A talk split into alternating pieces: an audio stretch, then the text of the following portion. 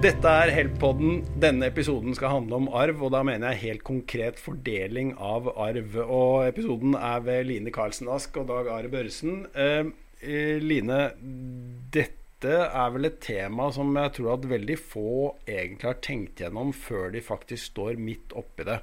Hvordan foregår det egentlig når noen er død og arven skal fordeles? Ja, eh, Det første som skjer når noen dør, er jo at man får et brev fra tingretten, og så får man valget mellom privat og offentlig skifte.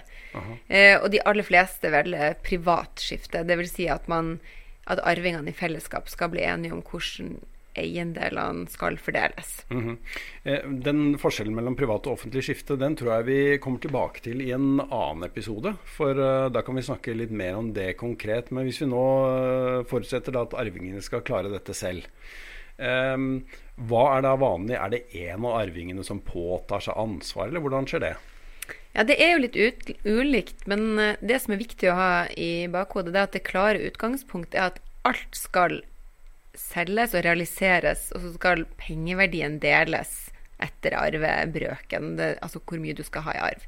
Så utgangspunktet er jo at alt skal selges, eh, med mindre man er enig om noe annet.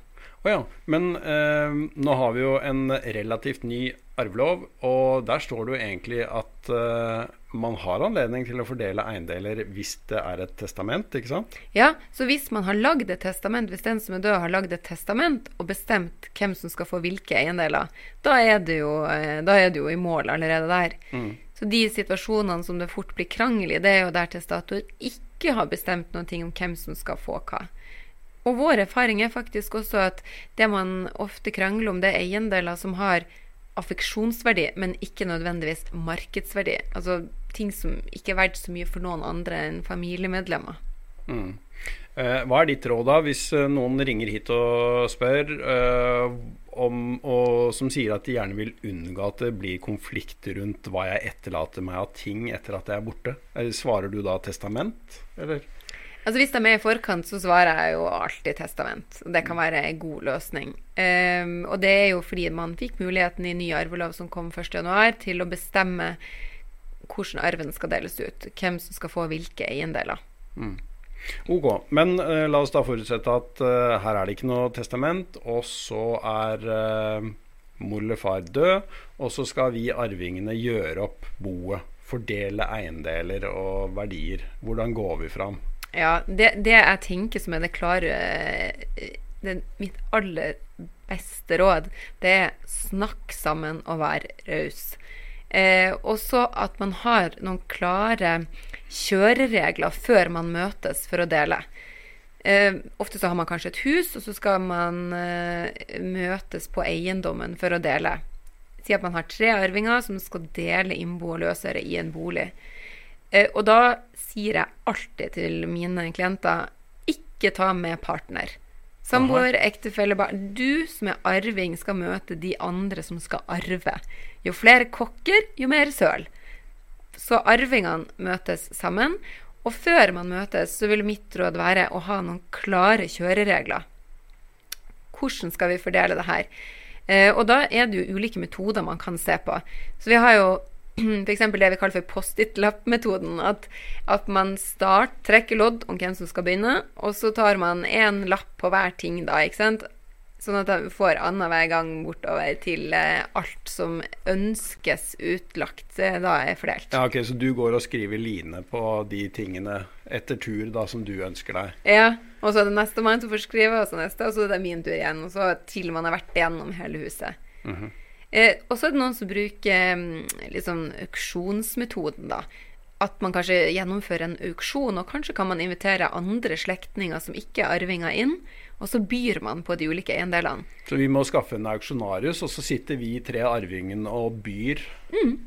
Og det vil jo, gjenstander. ikke sant? Det kan jo gi mer penger inn i boet, eh, som igjen gjør at arven blir litt større for de som får, og da står man jo fritt til å bestemme hvem som skal få by på de mm. eiendelene.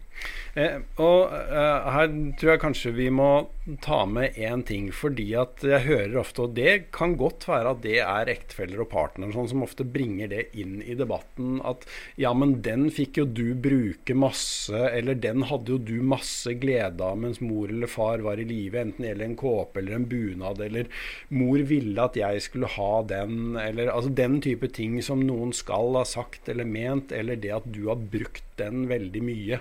F.eks. en bunad. da. Er det noe som har noe vekt i noen retning?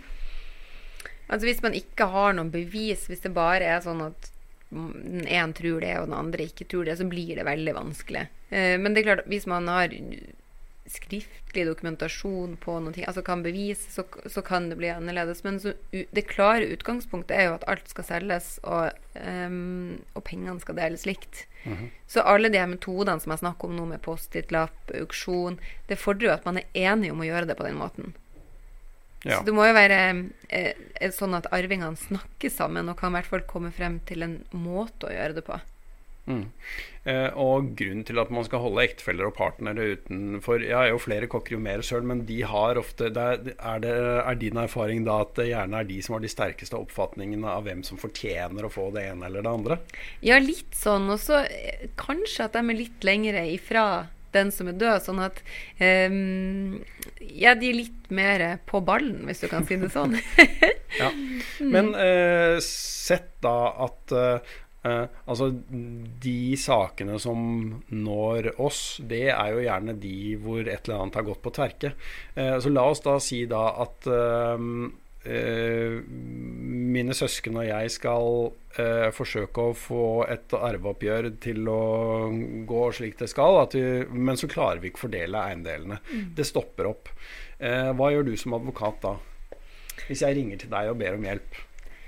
Ja, altså det, det, vi prøver jo å snakke sammen om det. Eh, men er det sånn at man ikke klarer å bli enig, så kan det jo være en idé å la et oppkjøpsfirma kjøpe hele boet for en gitt sum.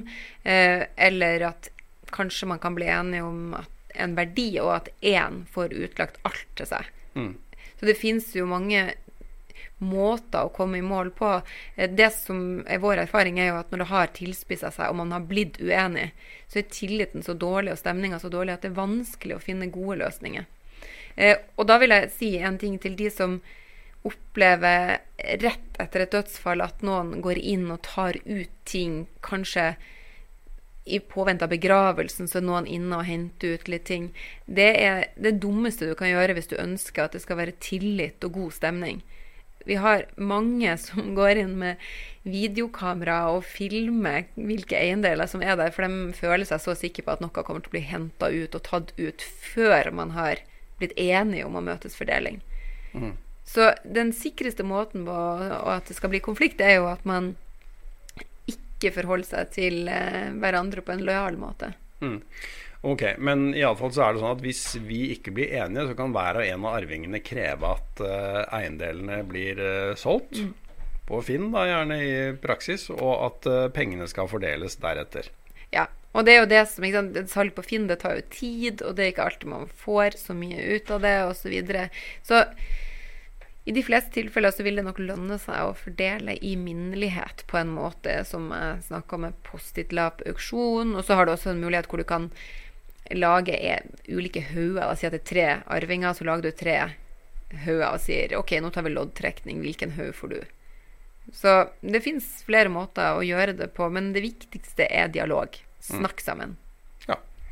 Eh, det var en eh, liten innføring i hvordan eh, selve fordelingen av eiendeler i arveoppgjøret foregår. Er det noe mer vi må legge til da om det temaet?